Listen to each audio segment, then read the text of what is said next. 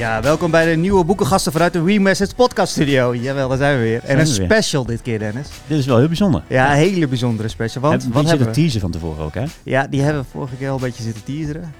En eh, ja, ehm, Misschien moet hij zichzelf maar kenbaar maken. misschien wel. Want we hebben een schrijver in de studio. Jawel. Oh, dat klinkt goed. Een schrijver. Ja, dat ben ik inderdaad. Een namenmaker. Een naammaker. Floris, welkom. Floris Hulsman. eh naamexpert noem ik mezelf ook wel. En eh, mijn bedrijf heet Namarama. En ik heb een boek geschreven. Over namen natuurlijk. Want dat is eh, waar ik me dag in dag uit mee bezig hou. En dat boek heeft de titel... Kijk, titels verzinnen, dat vind ik dus ook super tof. Hè? Dus een, een naam voor iets bedenken is al tof. Maar een Is titel één en dan daarna? echt... Dat, daar kan, kan ik ook gewoon heerlijk... Weet je, dat vind ik gewoon lekker om daar wakker over te liggen. En in dit geval is dat eh, maak je naam onvergetelijk. Want dat is eigenlijk ook mijn missie om eh, namen te bedenken die onvergetelijk zijn als je als nieuw bedrijf of product of merk op de markt komt, dan wil je niet eh, een van de zoveel zijn. En daar help ik bedrijven bij. Heel goed, heel goed. Is het misschien leuk om even de achterkant van het boek voor te lezen? Want dat doen we eigenlijk ook altijd. Dat doen we eigenlijk wel altijd, hè? Je hebt het boek hier liggen. Ja. Mogen we dat, eh, heb, jij, heb, jij, heb jij hem ook meegenomen? Ben jij hem vergeten? Ik heb hem ook bij me. Oh, gelukkig. Zeker, zeker, zeker. Alsjeblieft. Zal ik hem even voorlezen? Dennis, lees even de achterkant van het boek voor. eh. Daar gaan we. Of misschien is het ook wel leuk als Floris het zelf doet. Wat, eh, wat Dat is is leuk? misschien ook wel leuk. Weet je wat? We doen de laatste Floor zelf doen. Ja, leuk. Floris, Ja. je Ja, achterkant van je eigen- eigen boek tekst, Je eigen, eigen tekst, eigen tekst. Uit eigen, uit eigen boek. Oké, eh, met een pakkende naam creëer je onvergetelijke bedrijven en merken. Maar hoe bedenk je zo'n naam?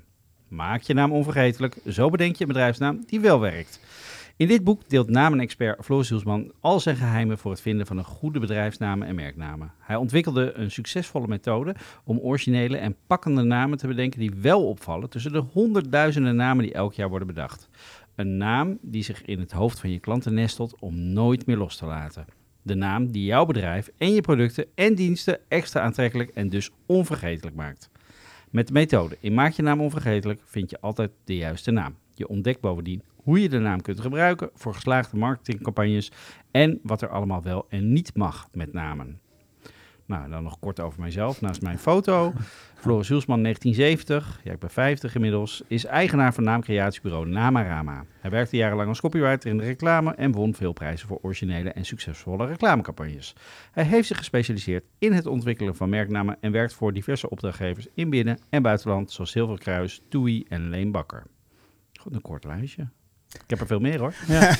Maar goed, Ja, dat, je- was, je- dat was toen. Je, je hoort wel dat Floris de, eh, zelf ook podcastmaker is. Want je hebt twee podcasten inmiddels, hè? Ik heb er twee jaar. Ja, De Namarama Show, eh, een van mijn favoriete podcasts. Waarin je vanuit je bedrijf heel veel bedrijf, andere bedrijven interviewt. En natuurlijk ook over namen praat. ja. Maar nu ook een nieuwe, de zogenaamd de podcast is ja, het, hè? de De, zogenaamde, de podcast, zogenaamde podcast. die je voor de ondernemer maakt. Ja, voor de ondernemer.nl ben ik gevraagd om een eh, ja, nieuwe podcastserie te maken. Mijn oude podcast werd er al eh, getoond. Eh, ook, ook fantastisch hoe dat kan gaan met de podcast. Want ik was mijn podcast, net zoals jij, uit puur enthousiasme gest- gestart. En opeens kwam eerst marketing fac- facts op mijn pad van... Goh, wat een leuke podcast. Mogen we die op onze site zetten? Ik zo, eh, ja hoor. Echt zo van, hè? Ik had er zelf nooit over nagedacht dat je podcast ook inderdaad op andere plekken kan verschijnen. Eh, en als tweede kwam de ondernemer met dezelfde vraag. Dus ik echt nog bellen naar Marketing Facts van... jongens, wat, wat vinden jullie daarvan? Zij zo van, ja... Het is jouw eh, podcast. het is jouw podcast, Share the Wealth, weet je wel. Dus eh, die kwam ook, eh, die kwam, of komt nog steeds op de ondernemer. En toen eh, merkte de ondernemer dat podcasts, zeker voor MKB, echt een enorme vlucht aan het nemen zijn. Omdat eh, veel ondernemers helemaal geen tijd hebben om stukjes te lezen. En veel liever eh, in de auto of tijdens het werk even een podcast luisteren.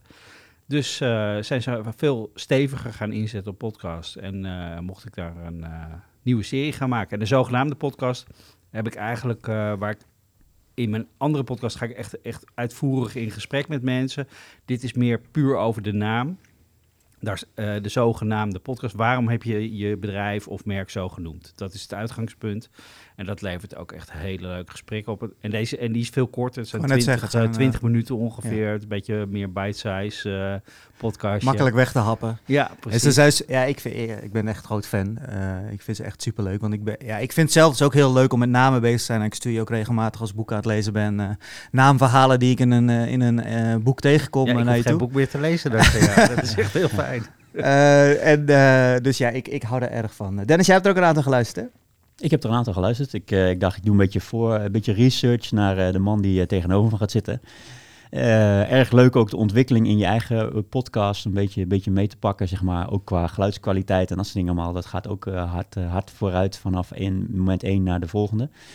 En dat is erg leuk om naar te luisteren. Ik, met name vond ik ook de, de podcast die je met je vrouw hebt opgenomen, eh Nienke van der Lek. Oh ja, die eh, had- die vond ik ook erg leuk. Ja. Ook dat je in het begin zegt van we hebben er eentje opgenomen en die hebben we weer weggegooid. dat vond ik echt wel een heel mooi begin. Dat Ja, je, dat- je dat is wordt meteen echt- nieuwsgierig echt naar wel wat daar om met, eh, met je vrouw een podcast op te nemen. Ja. Dus, eh, Terwijl je vrouw ook een ver- ver- verwend podcastmaker Ja, die, is, is, die eh, staat altijd toch? hoog in de charts ook altijd Mhm. met de podcast. Dus eh, ja, dan is het echt spannend om dat eh, samen te gaan doen. Ja. En, eh, maar ik heb nog steeds, eh zij komt ook een keer, nog een keer in mijn show, dus eh, het, ga- het gaat nog een keer nog, gebeuren. nog een keer proberen. Ja, ja, en dan ja. in ik één krijg keer. er nu al klamme handjes. ja. Nee, maar dat vond ik heel erg leuk om, om naar te luisteren. En eh, daar heb ik ook wat, eh, eh, wat vragen eh, uit opgehaald. Of in ieder geval wat, wat dingen gehoord van ik dacht, hé, hey, dat pak ik terug in je boek. Of, of daar kom ik eh, eh, misschien straks nog even op terug. Maar ik vroeg me net nog even af, hoe is het nou om je eigen voor- achterkant voor te lezen en het over jezelf te hebben in derde persoon? Ja, dat is wel gek. dat vond ik een beetje... Daar zat ik net naar te luisteren. We en ik hadden toch beter jou kunnen laten voorlezen. Ja, Dat, nee, dat, dat is, dat, je hebt, ik heb die tekst zelf geschreven. Dus Mhm. eh, wat dat betreft is het, eh, dat is ook wat je, voor, dat is wat je voor het eerst gaat doen als je een boek schrijft eigenlijk. Mhm. Normaal heb je het nooit in de derde persoon over jezelf. En dan moet je. Eh, het leuke van zo'n proces van, van een boek schrijven is. Hè, ik ben met een uitgever, die heeft mij die stappen bijgebracht van hoe schrijf je nou een boek. En hij zei: het begint met de achterflap. Het is, dat is het belangrijkste stukje van je hele boek. Pas als die af is, mag je de rest gaan. Daar ben ik dus ook heel nieuwsgierig naar. Hoe, hoe schrijf je een boek? Ik zou zelf ook nog wel eens in mijn leven een boek willen schrijven. Eh, jij bent naar je uitgever dan als eerste gegaan? Want Ik ben Zullen we nou. het misschien even, heel even terugpakken? Want je zegt namelijk in je eh, boek aan het einde... ik en boeken schrijven. Als je me dat een jaar geleden had verteld... had, je, had ik je heel hard uitgelachen. Maar Ja. eenmaal begonnen, liet het me niet meer los. Maar dan vroeg ik meteen achteraan... waarom ben je nou uiteindelijk wel begonnen? Nou, dat, dat is ook het, het, het idee om een boek te schrijven, kwam eigenlijk voort uit. eh, ik had me gespecialiseerd in dat, in dat namen bedenken. Ik ontdekte, hé, hey, er is een hele markt voor namen bedenken. Toen ben je eens gaan kijken van wat is er überhaupt geschreven over namen bedenken. Heel weinig, echt ver- verontrustend weinig. Er zijn maar een, op de internationale markt heb ik een, ongeveer vijf boeken kunnen vinden. Zo. En eh, ik heb er drie van gelezen, die andere waren geen eens meer verkrijgbaar. En het was, eh, toen merkte ik van, nou, ik heb er zoveel over te zeggen volgens mij. Eh, en daarnaast, een boek is ook een, een bepaalde, geeft een bepaalde expertstatus. Hè? Elke, elke expert heeft wel een boek geschreven. Dus toen dacht ik van, ja, misschien is dat wel iets voor mij, een boek schrijven. Maar daarvoor als copywriter zeiden mensen heel vaak van... oh, je bent een copywriter, dan heb je, wil je zeker een boek gaan schrijven? Oh. Dan denk ik altijd, nee, nee, nee, nee, ik wil echt geen boek schrijven. Ik, hou- ik hou het juist zo kort mogelijk. Daarom ben ik namen gaan bedenken, dat is nog korter. Ja. was het dan ook een soort marketingstrategie om een boek te schrijven? Om Absoluut. je bedrijf... Ja, eh, zeker. Het is wel, wel een manier om je, om je... Het is wel een soort visitekaartje. Als, eh, als straks een bedrijf X komt en, je, en, en die zien van... oh, hij heeft er ook nog een boek over geschreven. Dan snap je wel van... ja, dan heeft die persoon er blijkbaar echt iets over te vertellen. mhm. En is het niet eh, alleen maar een websiteje eh, wat jou vertelt. eh, Want je geeft best wel veel informatie weg. Ja, die vraag zul je heel vaak krijgen natuurlijk. Van ja, ben je niet je eigen markt aan het kapot maken? Ik geloof heel erg in het feit dat door dit boek je veel klandizie ook binnenhaalt, toch? Ja, ik, ik heb, ik, ik heb eigenlijk, eigenlijk van Jos Burgers. Die schrijft natuurlijk ook hele leuke boeken Zeker. over eh, hoe, hoe je met klanten om moet gaan. Mhm. En die zegt ook altijd van... eh, Kijk, eh, dat, dat, eh, dat boek wordt echt niet door de, mijn klanten lezen dat boek niet. Die hebben er helemaal geen tijd voor. Die Nee. schakelen mij gewoon in. En zo is, geldt het voor mij ook. En ik, en ik vind het juist mooi, want ik heb heel veel, als je de reviews leest, zijn er dus heel veel mensen die echt helemaal eh, Op basis van jouw boek een naam Ja, bedacht echt. hebben. ontzettend enthousiast zijn over hoe, het boek, hoe, hoe ze het boek hebben ervaren. En dat ze ook echt een naam hebben gevonden. En ben ik alleen maar blij van, Ja. ja, dat had ik nooit voor ze kunnen doen. En nu hebben ze het gewoon aan de hand van het boek zelf gedaan. Ja, dat is fantastisch. Ja, dat lijkt me wel heel tof. Maar goed, toen was het idee er. Maar nog steeds brak het koude zweet me uit bij het idee dat ik een boek moest schrijven. Want ik, ik had geen idee waar ik moest beginnen. Ik had geen idee hoeveel tijd het zou kosten. Ik hoorde mensen over maandenlang eh, schrijven en dat soort dingen. Dus het, het gaf eh, het heel veel weerstand bij mij.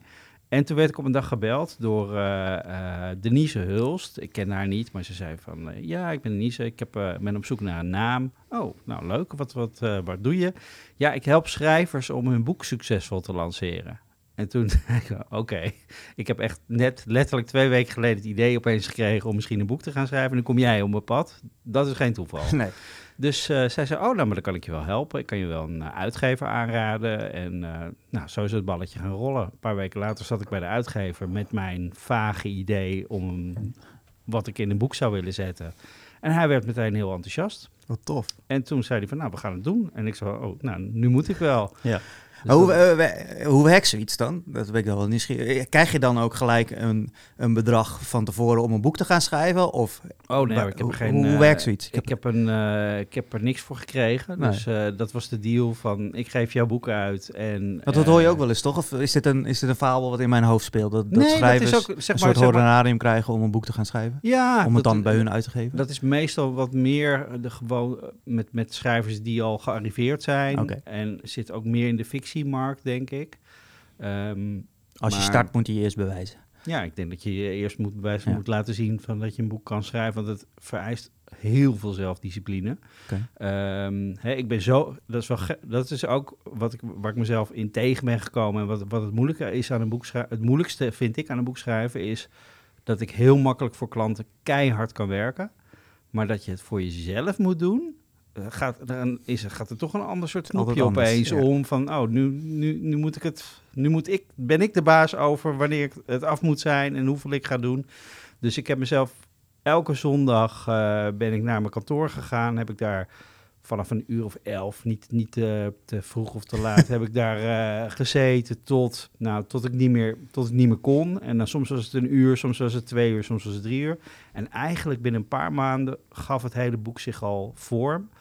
Eh, ik had ook nog een redacteur naast me, dus die, die las met me mee en die gaf me nog tips en aanwijzingen. En nog even terug, hoe, hoe ben je dan begonnen? Want je zei je begint met de achterflap. Ja, ja dus je, je begint met een soort van, heb je een idee in je hoofd van, ja, het moet over een, hoe, hoe bedenk je een naam gaan. En dan eh, zei de uitgever van, ja, dan gaan we eerst gaan we bedenken wat de, wat de achterflap wordt. Dus ja, dan, daarmee, hoe ga jij mensen trekken naar je boek? Want ze gaan eerst je boekje omdraaien. Wat lezen ze dan en waarom zouden ze dan het boek lezen? Dat moet daarin staan. Ah, oké. Dus dat zit daar allemaal in die achterflap. Hè, van, Wist jij dat, Dennis? Nee, nee, nee. is er zitten niet- alle tips, alles. Dat is één, één groot marketingverhaal om, om jou dat boek te doen Ja. lezen. Dat is die achterflap.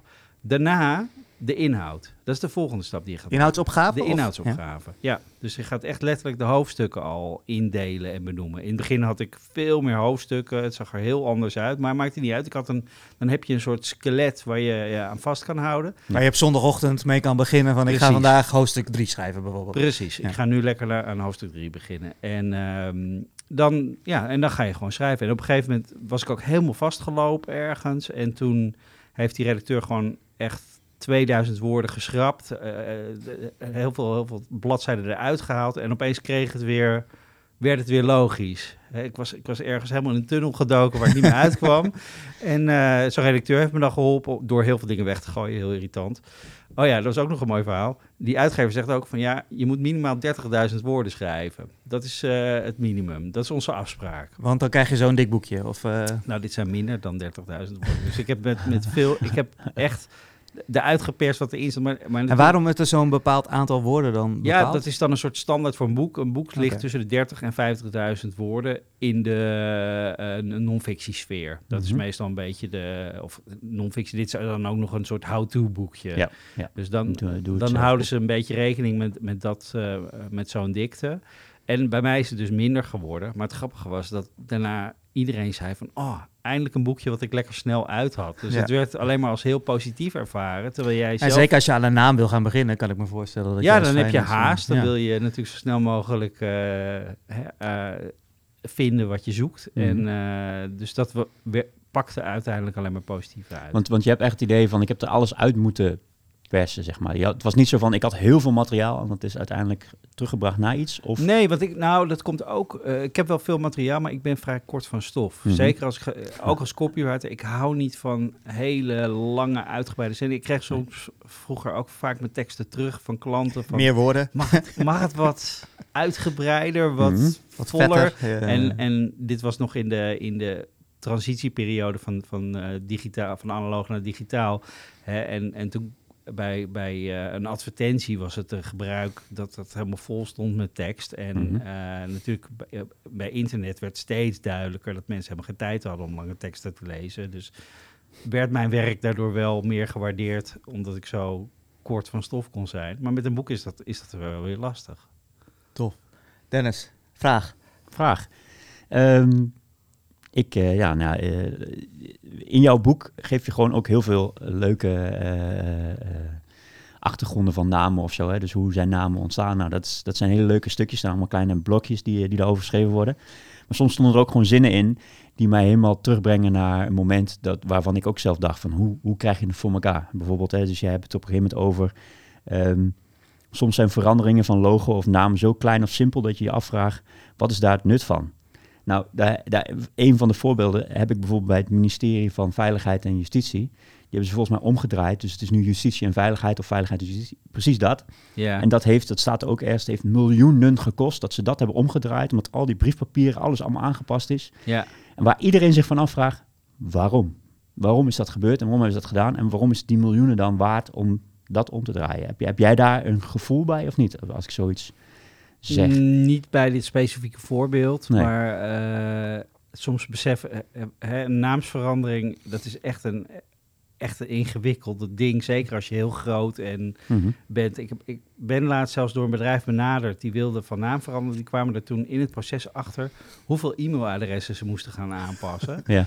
En toen zeiden ze van, dat, dat kunnen we gewoon eigenlijk niet doen. We zien het helemaal niet voor ons hoe dat ooit gaat werken. Dus ze zijn Nee. bij hun oude naam gebleven, waar ze absoluut niet tevreden mee zijn. Maar ze hebben zoiets van, ja, we hebben 3000 medewerkers, we gaan het, we gaan het gewoon niet doen. Nee. Het, het, het is al te... Daarom is het ook zo vast. belangrijk om als je gaat beginnen, daar zo goed over na te denken. Waar jij ook al op hamert in je boek, toch? Ja, heel erg. En, en het is zo... Ja, dat is natuurlijk... eh dat voelt me soms een beetje een soort Don Quixote. Maar heel veel... Hè, eh, eh, altijd als je mensen spreekt, zeggen ze van... Ja, we zijn heel druk met de naam bezig geweest. En dit is het geworden. En dan zeg ik vanuit mijn visie heel vaak van... Oké, maar ik zie nu niet wat je doet. Klinkt ook niet heel origineel, als ik eerlijk mag zijn. En ehm, ja, je, je, hoe, hoe onderscheid je je nou van de rest? Wat, wat maakt jou nou zo uniek eh, van die anderen? En dan, eh, ja, dan, dan is het eigenlijk al te laat. Ja. En, en juist aan het begin, als je aan het begin staat en, en daar nou iets meer tijd en, en eh, moeite in investeert en je, je daarin goed ingraaft, dan ja, het, het, het is het fundament van je bedrijf, zeg ik je naam. Je, alles kun je eraan ophangen. En je Mhm. kan, hè, de, zoals mijn eigen bedrijfsnaam Namarama, daar klinkt ook iets van, van een soort van creativiteit in door. Maar er zit, het, het gaat ook echt over namen.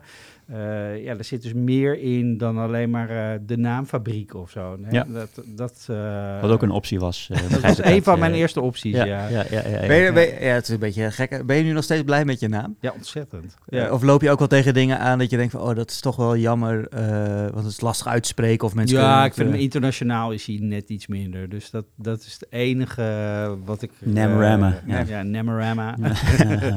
dus eh, ja, internationaal is hij niet zo sterk als in het Nederlands. Dat, dat is echt het enige wat ik, eh, wat ik erop tegen heb. En dat is, ja, het lijkt mij dus ook echt super lastig als je dan inderdaad dat bedrijf gaat beginnen. Ja, dan, dan is je eigen naam natuurlijk ook echt, echt een ding.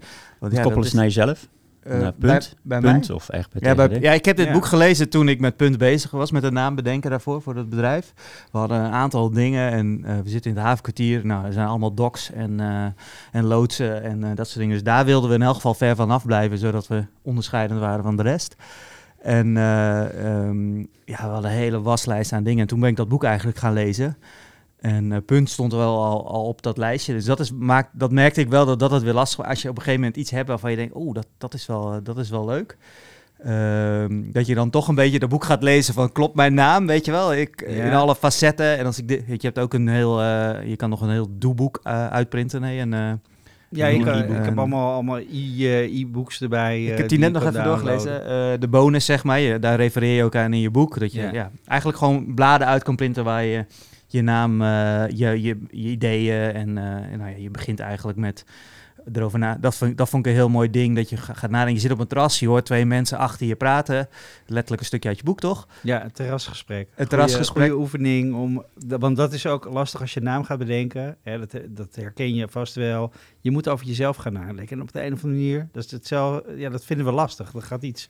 Hebben we toch vaak een soort kortsluiting en, en zien we het natuurlijk niet zo scherp meer. Terwijl we voor andere mensen altijd heel goed het overzicht kunnen hebben. Ja, als het voor jezelf is, dan komen, gaan er allemaal andere factoren spelen. En eh, dan, dan helpt het dus om jezelf voor te stellen dat je op het terras zit en opeens een, iemand enorm Het is heel lastig op hoort dit moment om worden jezelf dat voor te stellen. Maar. Ja, op het terras, ja, heel lastig. Nee, Oeh, maar pijnlijk, het, pijnlijk. Het mag Pijnlijk. weer, het zonnetje schijnt. eh, Ooit zit je weer op het terras. je zit ooit weer op het terras en inderdaad, je hoort iemand heel boos over een probleem praten. En dat is precies het probleem wat jij oplost. En als je dat begint te doen, dan komen er opeens wel weer woorden en zinnen tevoorschijn. Eh, die je kunnen helpen om ja, een beter beeld te krijgen van wie je nou wil zijn. En wie je doelgroep is ook. Dat, eh, Heel belangrijk, Dat krijg je ja. daar, daar krijg je daar ook heel goed uit. Ja, dus dat, dat, dat vond ik heel leuk. En uh, dus wij, wij waren daar al een beetje mee bezig om terug te gaan op het verhaal. Ja, ik heb het verhaal ook al in jouw podcast. Ik ben ook al een keer te gast bij, geweest bij jou in de podcast. Is dat Laurien heeft, heeft een bedrijf dat heet Dave de Pit. Ik heb een bedrijf dat heet Egbert.egd. Dus we zaten, toen we dit als eerste idee hadden, gaan, gaan we Pit.egd beginnen. Een combinatie van die twee dingen. Die .egd zet ik ook achter alles wat ik doe. Dus uh, vandaar dat het daar een beetje op uitkwam. Dus op een gegeven moment hadden we ja, Pit.egd, Pit dat slaat helemaal nergens op. Dat is, is misschien leuk voor een BV een keer, maar dat is niet een, bedrijfsnaam waar je, onder kan gaan, uh, kan gaan werken. En toen, ja, oh, de punt staat in het midden. Misschien moeten we daar iets mee. Ja, en dan ga je allemaal referenties bedenken wat je allemaal met punt kan doen. En uh, zodoende zijn we op die naam uiteindelijk uitgekomen. En, ja, en wat ik toen heel erg uit jouw boek heb gehaald, is de tagline die eronder komt. De tagline en de, heet dat andere weer? De scriptor. De scriptor. Dus de beschrijving van, van wat je doet eigenlijk. Ja, of, en dat is locatie is eigenlijk. Bij ons is dat locatie. Uh, we doen nu locatie en events. Locatie zegt eigenlijk niet zoveel. Hè? Ja, alles is een locatie. Maar locatiepunt is ook weer een plek waar je kan zijn. Dus een locatiepunt. En dat is onze URL geworden, want punt.nl... Ja, heel gek, die was er niet meer. Nee. Vier, uh, wij wilden heel graag ook een korte naam. En uh, ja, dat is ook super lastig, zeker als je een URL wil. Dan uh, alles met vier letters is. Welke combinatie je ook kan bedenken, die is bezet. Ja. Uh, haal je ook in je boek aan, volgens mij, als, ik me, niet, als ik me goed herinner. Ja, nee, klopt. Dat is een van de dingen natuurlijk. Dat heel veel mensen die beginnen altijd van ik wil een korte naam. Ja. En dan opeens moeten ze een, een, een, domeinnaam en dan kan het niet meer. En dan moet je er iets Denken aan... ze, want Ja. er zijn natuurlijk altijd wel... Moet je er weer iets aan toevoegen. wegen. Ja, wat Ja. ga je er dan aan, doef- aan toevoegen, weet je wel. En ja, Laurien heet al Dave de Pit, om dan weer Dave de Punt. Dat zou ook heel veel verwarring op le- kunnen leveren. Dus eh, we zijn uiteindelijk op locatiepunt uitgekomen als URL en ons bedrijfsnaam is gewoon punt. En wat, eh, als ik het aan mezelf zou vragen, ben je blij met die naam? Het enige waar we nu wel eens tegenaan lopen is, is het het punt, de punt. Is het, Oké. En eh, dat, is probeer, ja, dat, dat is wel, wel lastig. En e-mailadres is ook lastig. Locatie, of, uh, punt, at locatiepunt.nl, dat moet je af en toe wel even drie keer uitleggen. En, uh, Ja. en de punt uitspreken en uh, dat soort dingen. Dus, maar dat, dat zijn ook dingen die in jouw boek terugkwamen, dat ik ook wel dacht, oh ja, shit. Dat is, Ja, dat oefen hem zijn... altijd even aan de telefoon. Ja, dat is aan de telefoon. Ja, ik heb met Egbert EGD ook al heel erg. Ja. Dat Egbert en letters EGD achter elkaar in, in, in mijn e-mailadres is ook soms echt dat mensen denken? E, G, D. Het is bijna een tongbreker. ja, ja, ja, ja. Maar dat zal met Namarama denk ik ook zo zijn. Ja hoor, dat is, ja, dat, nou ik heb nog niet gehad dat ik het uh, moest spellen aan mensen. Wel ja, een paar keer. Maar, ik wou net uh, zeggen, ja, toch, mij wel hoor, want ik ben dyslect uh, eerste klas en als ik Namarama hoor, dan gaan alle ratelen, uh, alles bij mij, uh, bij mij uh, door de war. En Davo, als we het nu toch over namen hebben, Mhm. wat vind jij daarvan Dennis? Jij bent niet een van de oprichters die de naam heeft bedacht, Nee. toch? Maar jij werkt er wel. Mhm. Wat vind, wat vind jij van de naam Davo? Ik vind het, uh, je het, is, het is een, uh, uh, wat dat betreft, korte, krachtige naam. Alleen sinds we, uh, we hebben er op een gegeven moment hebben ze twee jaar geleden nou besloten om bieren eraf te halen. Dus te zeggen van, we zijn gewoon Davo. En dat werkt heel goed in Deventer. Omdat Deventer, Davo, dat is wel gewoon een tweetje. Ja. Alleen buiten Deventer om merk je gewoon dat je het vaak moet uitleggen dat het een biermerk is. In plaats van dat je, hè, wat, wat is het eigenlijk? Dus als je dan Dat mist... dat is weer de, con- de als je de con- scriptor, hè? Precies, het als je de context, als je de Ja. context mist, dan inderdaad, dan uh, is er even de vraag van wat, wat is Davo? Ja. Um, Ja, jullie hebben nu Maar je hebt wel altijd wel uit te leggen. Dat is wel leuk. Heel veel mensen vragen, is het een afkorting? Eh, waar staat het voor? En dan kun je meteen het mooie verhaal erachter vertellen. Dat het het oude biermerk is wat ooit is ontstaan in Deventer. En wat die hier gewoon weer terug hebben gehaald en weer eh, erop hebben gezet. En het echte oude verhaal dat dan Davo eh, ooit de monnik was die naast Lebuinus liep toen, die, toen ze Deventer zijn gestart. En dat eigenlijk dus Davo, Daventria, Deventer. Dus, hè, dus dat De, de naam... oudste naam voor Deventer. eigenlijk. Ja, dus, hè, dus dat de naam, zeg maar, dat geeft een mooie. dat is wel altijd wel leuk dat de naam in die zin dan wel triggert direct. Dat mensen denken van waar staat dat dan eh, voor? Ja. Dus dat, dat vind ik wel heel mooi aan de naam. Dus dat het niet direct eh, eh, de, de, de Gooiste bierbrouwerij eh, laat niks aan de verbeelding over. Dan weet je precies wat er aan de hand is. Je weet waar het staat, je weet wat de brouw, dat het de brouwerij is. En het hele mooie verhaal eromheen, ja, moet je dan nog maar ge- geïnteresseerd zijn. En dat vind ik wel leuk aan Davo. Oké, dan gaan we nu even naar de expert. Wat, Ja. eh, Floris, wat vind jij van de naam Davo? Ja, ik vind dat voor een, voor een biermerk is dat, is dat een goede naam. Kijk, als ik, als ik een start-up zou zijn, dan zou ik niet zo'n naam kiezen. Omdat dan is het, hè, de, de- wat je zelf al zegt, dan moeten bieren bij staan. En eh, dan zou ik liever iets hebben wat meteen de, tot de verbeelding spreekt. En, en daarvoor, je weet niet wat het betekent Nee. als je het voor het eerst ziet. Maar het is natuurlijk wel kort. En wat ik ook leuk vind, is eh, dat het vaak wordt uitgesproken als Davo. Hè, dat is ook een belangrijke. M- mensen die het voor het eerst zien, die zeggen altijd Davo, maar het is Davo. Hè? Dat is ook wel een grappige kwinkslag. En die zou je, zouden ze in de marketing ook wel kunnen, nog verder kunnen benadrukken als je landelijk gaat. Van, Mhm. Nee, het is Davo.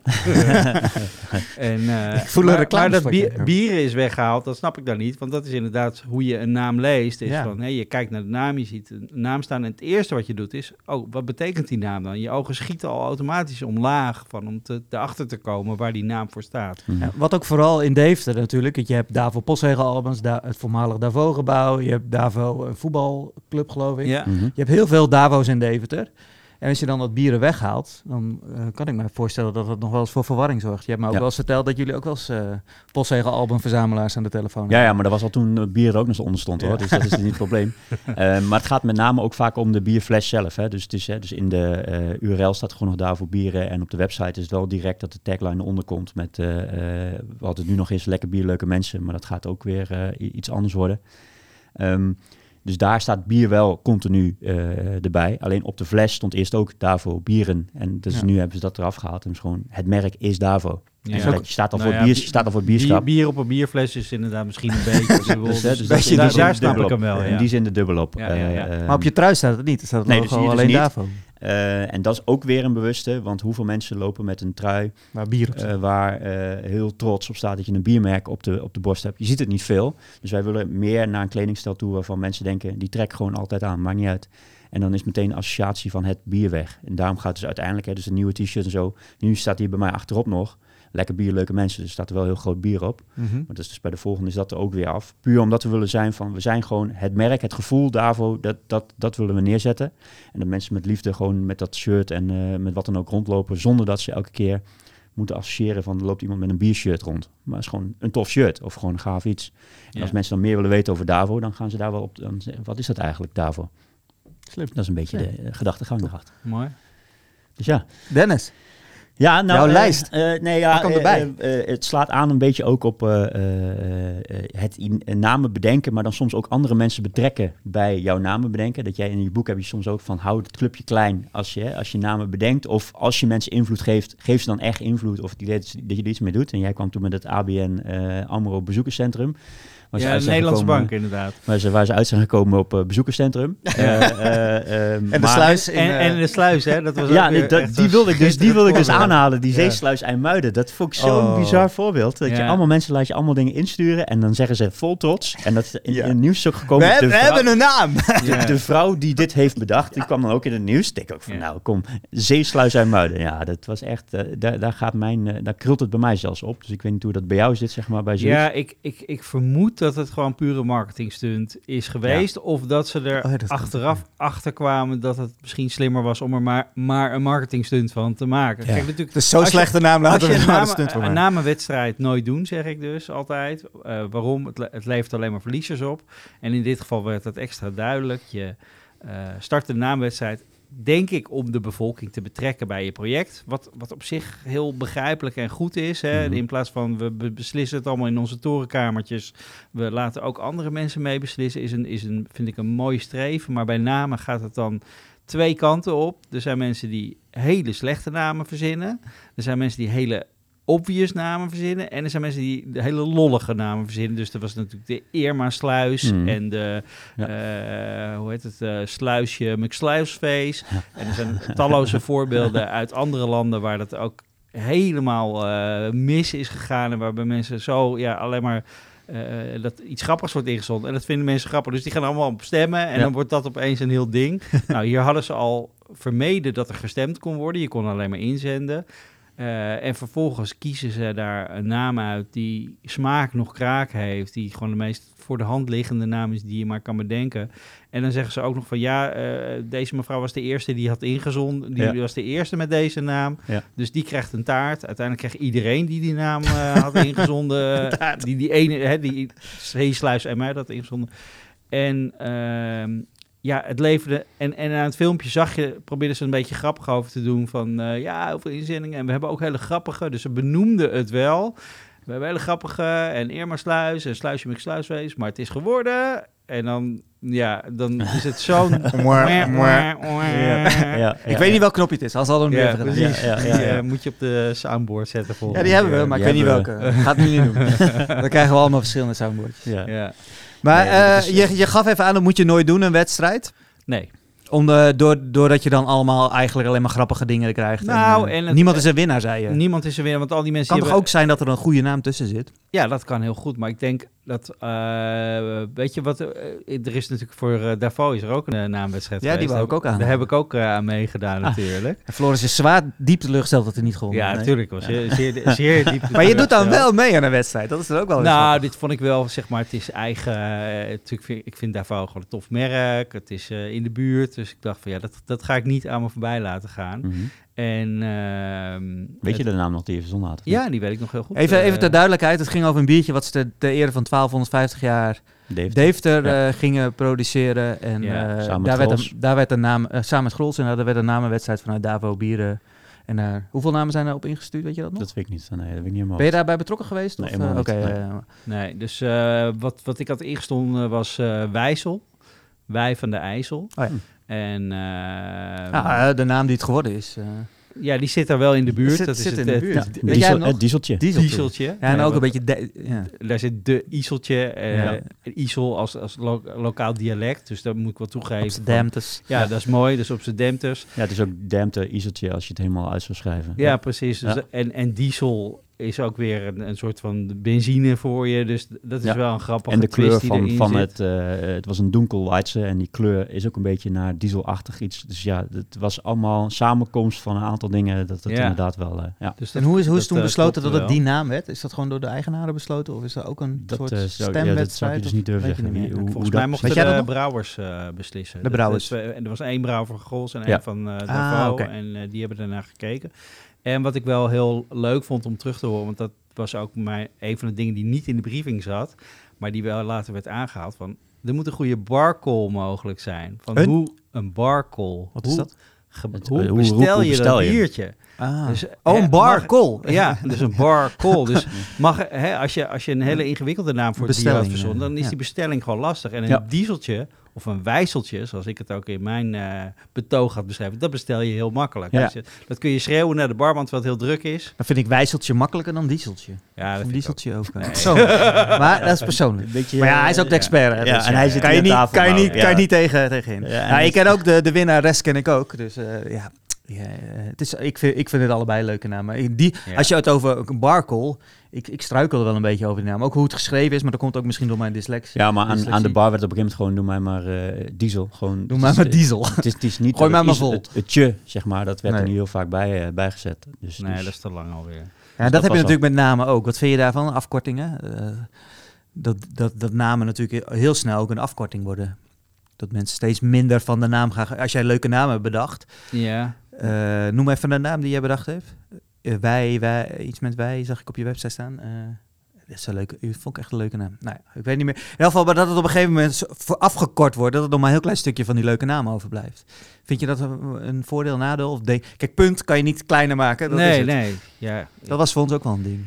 Ik weet het niet. Ik denk dat als eh, dingen in de volksmond veranderen, dan is dat prima. Dan want dan, dan weet iedereen toch waar je het over hebt. En, eh, Ja, ik zag ook in, in de aantekeningen van Dennis eh, namen van kinderen. Daar hebben wij het toen volgens mij ook over gehad. ja. Dennis is ook vader, jij bent ook vader. Namen van kinderen is natuurlijk ook een ding voor heel veel mensen. enorm ding. Ja.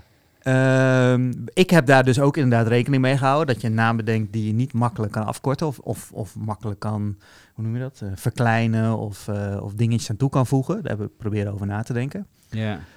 Eh, hoe, hoe is dat bij jou gegaan? Is dat bij jullie ook een, een discussiepunt geweest? Of was je toen nog geen naamexpert? Nee, toen was ja, ik heb het mijn hele leven al Ja, je gedaan. bent er altijd mee bezig. bedenken. Maar met kinderen is, is, komen er natuurlijk ook heel veel psychologische factoren kijken van...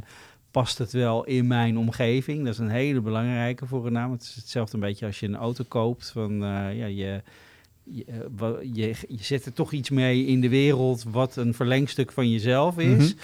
En dus zullen mensen, eh, ja, zal ik niet snel een, een Kia kopen. En zie je ook dat met kindernamen, dat dat ook weer Dat niet binnen een bepaalde bubbel zich altijd plaatsvindt. En sommige mensen die willen dan zich profileren als heel alternatief. En die geven dan ook hele alternatieve namen aan hun kinderen. En nog steeds zitten zij dan ook weer in een bepaalde bubbel. Hè? Je had een tijdje, toen ik, toen ik eh, met mijn kinderen naar de kleuterschool ging, was het eh, veel sterren en zilver. Vlinders. En, eh, vlinder, inderdaad. Ehm, nu is het krijg ik het gevoel dat het weer toch weer wat allemaal wat traditioneler is. Maar misschien komt dat ook omdat ik nu in het oosten van het land woon. dus, eh, daar, eh, in Amsterdam zijn meer vlinders. ja, in Amsterdam zijn wel meer eh, ja, lentes en zilvers. en, en wij hadden ook nog namen die wat... Ja, we hadden ook nog eh, bijvoorbeeld eh, Storm vonden we leuk. En eh, Beer. En eh, dat is net weer wat meer erbuiten. Maar uiteindelijk eh, zijn het eh, Thomas, eh, Hugo en Simon geworden. Ja. En dat vind ik ook, ja... Als het je kinderen zijn, dan- vind je zo'n naam alleen maar mooi natuurlijk. Automatisch. Dat gaat toch? automatisch, ja. Ja, ik bedoel, Maar is daar een bepaald, is, sorry, is daar een bepaald eh, ding aan vooraf gegaan? Of heb je gewoon met je vrouw overlegd? Nee, ik heb met mijn vrouw overlegd en ik heb vooral mijn mijn vrouw eh daar... zit geen concept het- achter. het, eh, nee, geen concept. En ik heb mijn vrouw Zijn geen afkortingen. eh, mijn Nee. vrouw had Simon bijvoorbeeld, had ze al vanaf jongs af aan in haar hoofd als een kindernaam. Dus Ja. toen zei ik van ja, dan, dan ga ik daar echt niet eh, voor liggen. Dat, Nee. eh, dat is, ik, ik heb nooit een bepaalde kindernaam gehad vanaf mijn kindertijd dat ik die wilde. Dus eh, dat vond ik alleen maar mooi. En ehm, wat kwam er net nou in me op? Nee.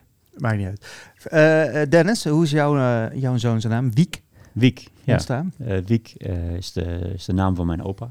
eh, die op eh, te jonge leeftijd is overleden. Maar die eh, vond ik gewoon altijd al een hele mooie naam. Is afgekort, is- komt af van eh, Lodewijk, zeg maar. En, Oh, ja. en uit de Achterhoek, dus Lode, was Lodewiekes. Ja. En dat was dus roepnaam Wiek. En dat, eh, zo heb ik mijn zoon ook, eh, ook genoemd. Ja, mooi. Ehm, is ook, hè, dus wat je net zei, het is een lange zoektocht. In de zin van, je bent daar heel veel over aan het wikken en wegen. En het is zwaar. En je hebt echt iets van, ga ik hem die naam meegeven? En eh, je zit namelijk ook al in je hoofd met, hoe gaat, het naar het Engels? Eh, terwijl het helemaal nergens slaat, hè, want week, hè, dus heb je sowieso of zwak of Oh, een week. Zo, dus, dus als je het in Oh, het Engels ja. uitspreekt. Maar het gevoel is goed en het gevoel is fijn. En zodra die eenmaal geboren was, was het ook gewoon zo. Ja. Het is een best gek gevoel. Sommige Ja, mensen, kun, je- eh, dat kun je niet uitleggen als je geen kinderen krijgt, denk ik. Maar als je hem eenmaal dan vast hebt en je hebt hem die naam gegeven. Nu kijken we er ook naar en denken, want we hadden we hebben heel lang zitten wikken en wegen, dus twee namen. Tegen Wieken en Wegen. Ja. ja, Die andere naam was Wegen. Maar, maar ha- had je de naam van tevoren al besloten voordat hij geboren werd? Of ja, jawel. Oké. Zeg maar een paar weken voordat hij geboren werd, hadden we hem zo van, dit gaan Ja, we We worden. hadden twee namen voordat eh, Oh ja? Hugo geboren werd. Maar je Even kijken hoe die eruit ziet. En, En, dan, en toen eh, dachten we echt, van, weet je, we wachten gewoon tot hij er is en dan beslissen we. Toen Weet Hugo ook we- wat de andere naam is? Ja, dat weet hij. Ja. Dat was eh Freek, was de andere naam. En nu denk ik echt, Freek. waar, waar, hè? Hoe, hoe konden we dat bedenken, weet je wel? ja. Heel gek hoe dat werkt. Ja. heel bijzonder. Nee, maar dus ja, de, ook echt een moment, toen viel de twijfel eraf, zeg maar. Dus we hebben nog wel een paar weken, die- ook die laatste weken, zo van die andere naam blijft ergens zingen. Ja. Want dat was ook een optie. Maar op het moment dat er was, is er ook geen twijfel meer. Zo Ja, er van, zijn gewoon- culturen, ik weet niet precies meer welke, waarin de baby pas na een jaar een naam krijgt. Oh ja? Ja, je eerst moet, eh, moet kijken wat voor soort persoon het is. Precies. Ja, ja. Bij mij is het ook een heel naamconcept natuurlijk. Want eh, ik vind dat dus heel leuk om daarmee bezig te zijn. En eh, toen mijn dochter geboren werd, was het echt een, echt een drama. Want we wisten al, we hadden heel veel namen, hadden heel veel eisen waar het allemaal niet aan moest voldoen, zeg maar. Waar, eh, wat allemaal niet mocht. En eh, uiteindelijk hadden we een naam, Elin. En eh, dat is er uiteindelijk ook geworden. Maar op het moment dat we de keuze met z'n tweeën van... nou, we hebben eindelijk een naam die we allebei willen. eh, daarna, nou, jullie kennen waarschijnlijk het, het voorval als je een auto koopt... dat je daarna overal die auto's ziet rijden. Overal Elins tegenkwam. En nou ja, het is volgens mij nu een van de, een van, een van de bekendste namen ook hier in, hier in de buurt. die hoog in de, in de top 10 of 20 staan tegenwoordig. Maar eh, dat, daar was, dat was ook een van onze criteria. Het moet niet een naam zijn die, eh, die straks eh, dat je met drie aliens in de klas zit. Nou, ze heeft nu bij een alien in de klas gezeten, volgens mij. Hm. En eh, ehm, dus, dus wij waren heel blij dat we dat toen hadden. En mijn vrouw, als ze een zoon had gekregen, had ze die heel graag Mink genoemd. Nou, dat- zo heet ons tweede zoon, zo- het tweede kind, heet nu Mink. Want dat is haar achternaam. Dus we hadden besloten bij Elin dat het dan Elin Minke, de vrouwelijke versie van Mink, eh Elin Minke Scheffer he- heet. En mijn zoon heet Mink Daan, ook naar opa, eh, mijn opa. eh, Scheffer en ik heet Egbert Scheffer en Laurien heet Laurien Mink, want wij zijn niet, wij zijn niet getrouwd. Eh, voor de rest hebben we alles samen, maar voor de rest alleen niet getrouwd. Dus zo is ons naamconcept binnen onze familie. Mooi. Dus, Ja, lang uitgebreid verhaal altijd, maar nou ja, maar ik vind het altijd is leuk om te vertellen. grappig Ja. dat je dat zo inderdaad, dat je daar... er, zit, er zit gewoon een bepaald gevoel bij van hoe mensen gaan me- omgaan met zo'n naam. En ja, ik vind het toch mooi dat uiteindelijk dan kom je tot iets en ja, je, daarna is de twijfel eraf. Als, het Ja. gewoon, als die er eenmaal is, dan is het echt gewoon, nou, dit is het Ja. gewoon. Je- Ja, zoals je- met je je bent bedrijf ook. Je Ja, geeft toch? op een Ja. gegeven moment een Ja. naam en dan, Dan is het het gewoon zo. En dan, Ja. Kan je niet meer voorstellen dat je ooit Nou, getwijfeld hebt? Maar wat wel soms. kan gebeuren met dus een bedrijfsnaam, dat is dan wel, het is niet als een kind, weet je, het ontwikkelt zich ook op een bepaalde manier, maar een kind kun je loslaten in je bedrijf niet. En dan zie je dat mensen, of dat, dat heb ik zelf ook meegemaakt, dat je niet blij bent met je bedrijfsnaam. Ja. Ik had eerst een andere bedrijfsnaam en ja, die, die had ik gewoon ter plekke even verzonnen bij de KVK. En maar Wat is je bedrijf? Oh. ja, doe maar, doe maar interactief creatief. En, eh, maar op een gegeven moment gaat dat je zo tegenstaan. En dan, dan voel je elke keer, zie je die naam weer ergens opkomen. En dan voelt het gewoon als, als niet goed. En, en juist als je een bedrijf hebt, wil je daar trots op zijn. Wil je daar succes mee hebben. En ja, als die naam dan niet helemaal eh, klopt, dan, dan gaat dat je gewoon, eh, dat gaat onder je nagels. Hè. Dat, Ja. eh, Het kruipt onder je huid. Het is echt heel, heel vervelend. Het is, heel- het is echt, echt een dingnaam. Dus dat vind ik ook zo mooi, dat verhaal van Netflix, wat jij me stuurde. Die hadden expres zichzelf kibbel genoemd, wat, Ja. wat hondenbrokken betekent. En die, die, eh, ja, hun e-mailadres was kibbel en eh, alles was, was kibbel. Maar ze wisten van, ja, dat is hondenbrokken. Dat, zo gaan we nooit eten. Dus een hele slimme set. Wel het bedrijf wel opzetten, maar nog niet je vastpinnen op die naam. En dus met een hele slechte naam starten. En eh, ja, toen uiteindelijk hebben ze wel Netflix bedacht. En eh, de, rest is geschiedenis. Maar Ja. eh, dat, dat is een hele goede manier om, als je het nog niet zeker weet, dan moet je, kun je beter met een hele slechte naam beginnen. Ja, het is ook echt leuk om dat in die boeken te lezen hoe verschillend namen ontstaan. En bij Hives, eh, ik was net nog even een beetje aan het doorlezen ook, dat het, dat het een heel proces is. En bij sommigen dat het echt zo, eh, Spotify werd, werd geroepen door een kamer en iemand dacht dat hij dat hoorde en heeft dat geclaimd, terwijl Ja. later bleek dat hij dat helemaal niet riep. Weet je, allemaal Ja, dat soort rare, rare verhalen die je dan in die boeken die wij graag lezen eh, Mhm. tegenkomt. Dat is echt grappig. Wat ik nog wel wil aanhalen is wel leuk. Je hebt natuurlijk, want toen, toen ik want ik volg je al een tijdje op social media. Toen ik zag een namen-expert, toen dacht ik, ja, nou ja, dan ga je dus alleen maar namen bedenken voor bedrijven. Maar dat is helemaal niet het enige waar je mee bezig bent. Ook voor producten kan je naam verzinnen. Je staat er niet bij stil voor hoeveel dingen je een naam kan verzinnen of een, of een eh, overkoepelend ding. Kan je wat van dat soort voorbeelden noemen? Waar je Eh, allemaal namen voor zou kunnen verzinnen? Waar jij namen voor verzint? Nou ja, ik ben nu bezig voor een eh, nieuwe schoolrichting die wordt eh, gestart binnen het voortgezet onderwijs. Om daar een naam Dus- voor te bedenken. dus tussen het VMBO en de HAVO bijvoorbeeld komt een nieuwe richting en daar moet jij dan een nieuwe Ja, naam voor ja. verzinnen. En daar zoeken ze dan een nieuwe naam voor. En, en snappen ze zelf ook van ja, de namen als HAVO en VB, VMBO. Dat, dat zijn allemaal van die afkortingen. Die zijn er wel Kader. een beetje geweest. En nu moeten we proberen om daar toch een nieuw, eh, nieuw elan aan te geven. Eh, ja, een, een, eh, een brug kan natuurlijk een naam krijgen.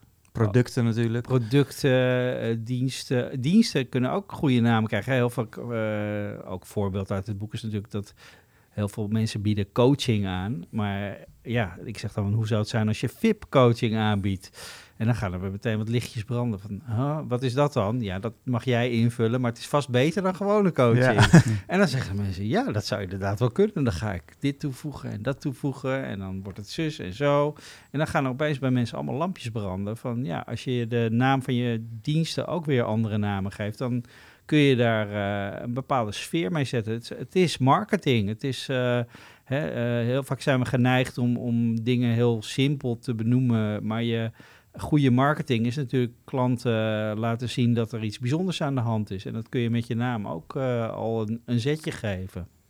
Wat is het leukste ding waar je ooit een naam voor hebt verzonnen? Dus even niet een bedrijf of een... Waarvan je zegt van, hé, dat, dat, dat Ja, vond ik echt leuk om daar een naam voor te verzinnen. Nou, ik vind steeds voor, eh, voor druppeltjes sulfiet die je in je wijn kan doen, zodat je de schadelijke sulfieten in... Nee, het is niet sulfiet, maar het is iets wat schadelijke sulfieten uit de wijn in onschadelijke sulfaten omzet of andersom. Dus een druppeltje doe je in je wijn en dan ben je van je hoofdpijn af de volgende dag als je... Dat kan je als consument kopen of als, dat als consument kopen. En, en sommige mensen zijn daar heel gevoelig voor en die, die kunnen die druppeltjes dan in hun wijn doen. En dat heet sul-free. En eh, ja, dus vrij van die schadelijke Sul- sulfieten, ja, ja, ja. maar ook een beetje aller-free-achtig, een beetje medicinaal klinkt het daardoor. En eh, ook het haalt het, het zullige gevoel ervan af wat je de volgende dag hebt. Ja, super. leuk. Dat vind ik wel leuk. En, eh, je- Maar ben- eigenlijk mijn allerfavoriet is natuurlijk die ik voor Subway heb gedaan. eh, is, eh, De broodjeszaak bedoel je dan, Ja, Subway? de broodjeszaak Ja. Subway. Die, die kwamen met eh, vegan chicken. Eh, een nieuw ingrediënt. En dat moesten ze dan een broodje van maken. eh, de vegan eh, chicken teriyaki. En ze zeiden, ja, onze klanten slaan niet zo goed aan op vegan. Eh, dat vinden ze eh, meteen al niet lekker klinken en eh, ingewikkeld. ik ben nu de vegetarische slager aan het lezen. Ja, precies. Dus toen, toen heb ik daar Taste Like Chicken voor bedacht. Ah, oké. Smaakt als kip. En Ja. ja, dat is afgekort TLC. wat, wat weer staat voor Tender Love and Care. Maar ook in plaats van een BLT, BLT, ja, een. TLC, weet je wel. En eh, het, het eh, Taste Like Chicken is ook humor. Dat past bij Subway. Weet je, het is niet zo vegan chicken is heel serieus. Ja. En Taste Like Chicken is meteen van, nou, er zit wat humor in. Want je snapt, hey, het smaakt naar kip. Dat zeggen we over dingen, over vlees wat we eten... waarvan we niet precies weten waar het vandaan komt.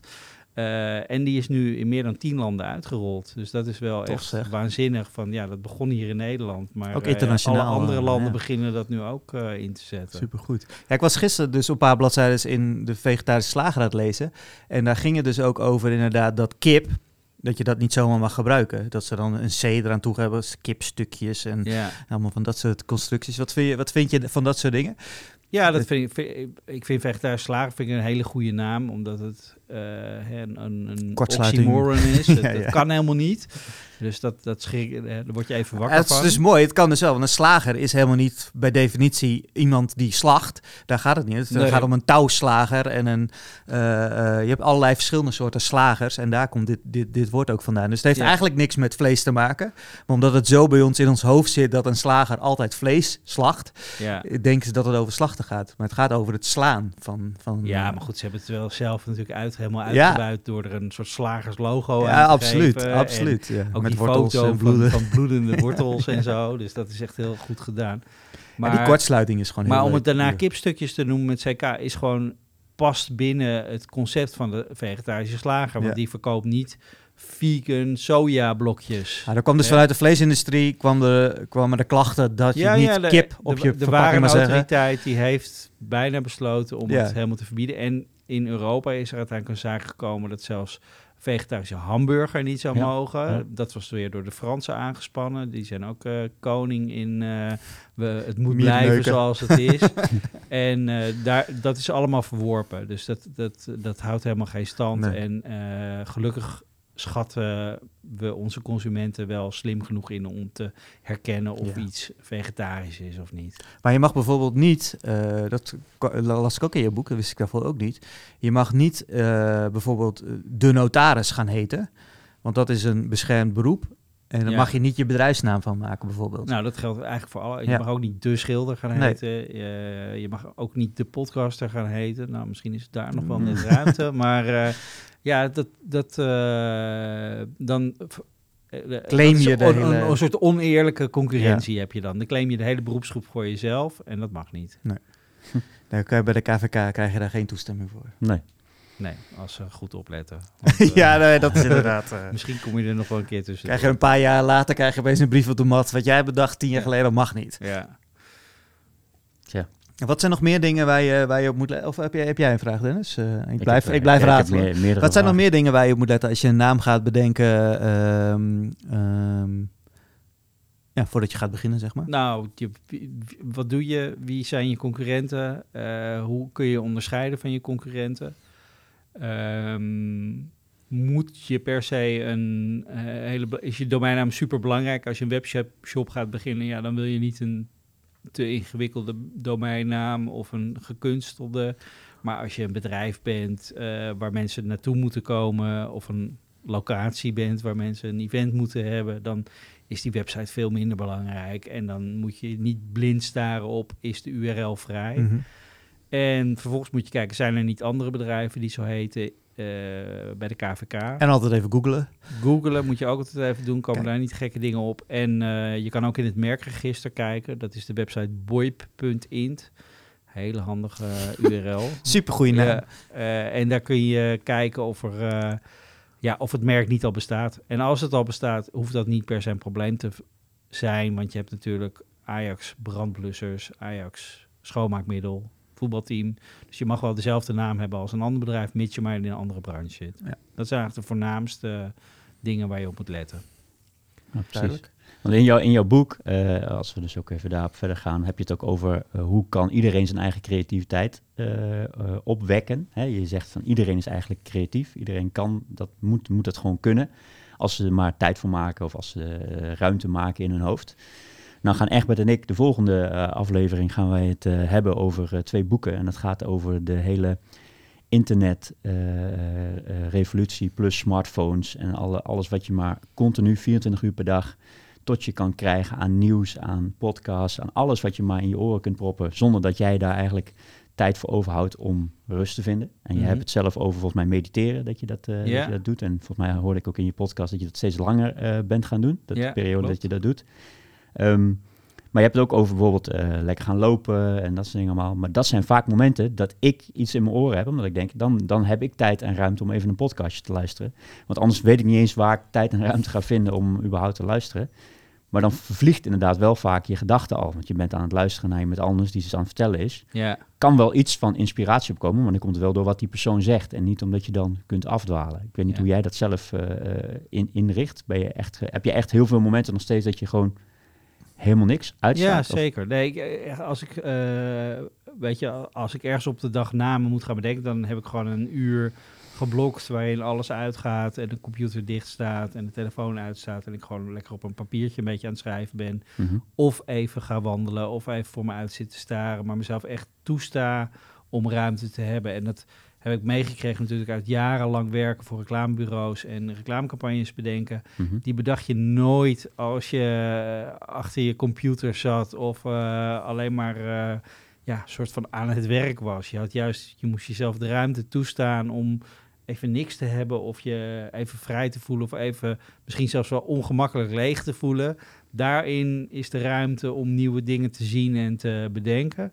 En zodra jij inderdaad wordt bestookt met informatie of content, dan is, is er geen ruimte voor je eigen gedachten. Mhm. En ja, dat wordt in deze tijd natuurlijk steeds, steeds lastiger, omdat ja. ja, er is steeds meer content. Ik ben nu een boek aan het lezen, Digital Minimalism. Ja, ook daarom wordt ook weer gezegd van het gaat niet eens om dat je alles moet, moet uitzetten of afstoten, maar als je content tot je neemt, kijk dan even of het past binnen jouw strategie of wat jouw, jouw visie is op het leven. En uh, in plaats van zomaar alles op je af te laten komen. Dat is het mooie van deze tijd. Van, aan de ene kant is natuurlijk heel veel content, maar aan de andere kant is er nu ook echt content waar je wat, wat aan hebt. Hè. Vroeger kon je alleen maar de tv of de radio aanzetten en, en stroomde het op je af. En nu kun je echt, als jij een heel specifiek onderwerp iets wil weten of horen, dan kun je dat precies vinden. Mm -hmm. uh, alleen de weg daar naartoe, die is soms wat afleidend. Want ja. dan zie je opeens dat andere YouTube-filmpje ja. of weer die podcast voorbij komen en dan ben je alweer weg. Maar eh, ik denk als je content tot je neemt en je, en je bent dus bezig met de naamvraag bijvoorbeeld, ja, ga dan inderdaad mijn podcast luisteren of ga nog meer uh, naamverhalen opzoeken en laat je daardoor inspireren. Ja, precies. Ja, nou, dus meer van ik ben zelf gewoon aan het zoeken naar welke momenten kan ik eindelijk weer mijn eigen regie een beetje terugpakken, omdat ik merk van ik heb periodes dat ik super makkelijk alles laat liggen en gewoon een rustmomenten inbouwen en dat het juist komt en gaat en heel makkelijk is. En ik heb momenten dat ik helemaal gek word van mezelf, omdat ik helemaal ergens ingetrokken ben. En ik ben iemand, ik vind alles interessant, ik vind alles leuk om te horen. Als ik eenmaal een krant aan het lezen ben, lees ik alle artikelen. Puur omdat ik gewoon denk van, ik heb hier nu voor me liggen en ik vind het allemaal interessant. Terwijl dat is zo ongelooflijk veel informatie die allemaal dus in je hoofd moet worden gepropt. En dan wordt het uiteindelijk het zenden ook moeilijker. Dus, hè, dus om, om met iemand anders dan ook over iets anders te praten. Of dat je zoveel in je hoofd hebt zitten. En die rust is nergens pakt. En denkt de rust te pakken door bijvoorbeeld een podcastje rustig gaan luisteren tijdens het lopen. Terwijl je dan nog steeds niet uitstaat. En weer nieuwe informatie in je, in je hoofd zet. Waardoor je eigenlijk nog meer onrustig wordt dan dat je eigenlijk al was. Ja. Dus dan voelt het misschien als ontspanning, maar uiteindelijk ben je alsnog bezig met alleen nog maar meer naar binnen aan het halen. Ja. En daar ben ik, uh, is een zoektocht van mezelf, zeg maar, omdat ergens inderdaad die filtering, misschien wat jij ook zegt, van kies een bepaald pad van dat is wat je moet kiezen. Maar dat, dat ben ik naar op zoek waar, dat dan in godsnaam ja, moet dat liggen. je de, de, week, de week van dit onderwerp hebt en de week van dat onderwerp. ja, ja, En uh, ja, het, het, het, het, je moet er soms ook een beetje rigide in. Net zoals meditatie is voor mij ook, uh, het, het, is nooit gemakkelijk om, om eraan te beginnen, omdat je elke keer denkt, oh my god, ga ik weer, ga ik weer een uur helemaal niks doen. maar ja, als je de, het is hetzelfde als met sporten ook, heb ik dat gevoel soms ook. En als mm -hmm. ik er helemaal klaar mee ben dan, ben, dan is er zoveel van me afgevallen en ben ik weer zo in een andere staat dan ik daarvoor was, dat de hele dag daardoor verandert. Ja. En uh, ik moet ook denken aan die ontwerper, ik geloof dat het Alessi was. Die ging altijd, uh, die maakt van die, van die gave meubels en uh, gebruiksvoorwerpen. Die ging gewoon altijd een paar weken naar een, naar een hutje in Frankrijk waar geen eens stromend water was. Hè, waar gewoon eigenlijk helemaal niks was. En dat was zijn plek om te gaan ontwerpen. Helemaal los van alles. En dat vond ik zo inspirerend om te lezen. Dat zo'n supergroot ontwerper die echt miljoenen verdient, die gaat dan naar de meest basic plek die hij kan verzinnen om tot goede ontwerpen te komen. Ja, ja daarmee dwingt er natuurlijk ook van dat niks is meer uh, afleiding. Zo van, dit is gewoon, dit is waar ik hier nu mee bezig ben, punt. Ja. En dat dwing je jezelf dan heel hard toe, inderdaad, om dat dan zeggen van, dit is nu wat ik ga doen. En er is niet meer, geen afleiding. Nou, ik denk dat er wel afleiding is als van, als er helemaal niks is, dan moet je opeens weer gaan denken van, oh, hoe moet ik naar de wc, hoe ja, kom ik aan eten? Ja, maar dat, uh, dat zijn andere, zijn meer basisdingen dan dat er heel veel externe invloeden naar binnen worden ge ja. gepropt. En dat is denk ik ook uh, wat ik uh, altijd zo lekker vond aan vakantie. Want dan staat het vaak ook helemaal uit. Dan ben je er helemaal niet mee bezig. Dan ben je niet bezig met wat maakt niet meer uit wat er in de rest van de wereld als het ware gebeurt. Je bent ja. alleen maar die paar weken even in de bergen of in het, uh, in het bos of aan zee of wat dan ook. En je, het doet inderdaad ook allemaal even niks. Ja. En ik denk dat dat dan, ja, moet ik ergens gaan vinden dat het in mijn normale leven ook uh, gaat gebeuren. En dat is een zoektocht die al een tijden bezig is. Ik zei net uh, hiervoor toen we elkaar spraken van dat ik eerst ook veel in de trein zat, heen en weer reizen. Want ik was sowieso nog benieuwd waarom je in Deventer bent gekomen. Maar um, ja, die zoektocht naar gewoon doen waar ik gelukkig van word, dat, dat duwt zich steeds uh, beter mijn leven in, zeg maar. En dan helpt het niet om af en toe uh, een kind te krijgen of om uh, andere, allerlei, allerlei hè, dus met corona, met allemaal gekke, gekke veranderingen, dat het leven daaromheen ook niet heel normaal, semi-normaal is. En dat zeker nu, hè, nu eindelijk gewend aan dat Wiek er is, is de rest van het leven nog steeds niet normaal. Dus dan kun je daar ook niet uh, weer mee door. Dus dat is wel een zoektocht. Maar uh, ja, het komt steeds dichterbij. Maar uh, zat een kleine vraag in naar jou. Je bent opgegroeid in Amsterdam, Amstelveen. Ja. maar je bent ineens naar Deventer gekomen. Wat, wat is, en gebleven, want je zou gebleven. bijna weggaan. Ja, ook dat nog. Ja. Nee, we zijn 14 jaar geleden ongeveer hierheen gekomen. met, we wonen centrum Amsterdam. Maar in een klein appartementje, één kind. En uh, als je daar met je kind naar buiten gaat, dan moet je, met je, moet je ook echt mee en aan het handje nemen. Want je kan je kinderen daar niet uh, lekker los laten lopen. Tenminste niet in de buurt waar wij woonden.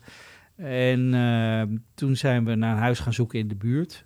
En dat was elke keer te duur en te klein en te duur en te klein. En we dachten van ja, wat kunnen we nog wel honderd huizen gaan bekijken. Maar elke keer hadden we niet dat gevoel wat we allebei... We hadden allebei- een droomhuis in ons gedachten. Eh, Toevallig uit dezelfde kinderserie die we hadden gekeken, de Daltons. Daar hadden we een soort, soort huis voor ons, een beetje oud, krakkemikkig, wel hoge plafonds en eh, een boom in de achtertuin. Nou, dat was...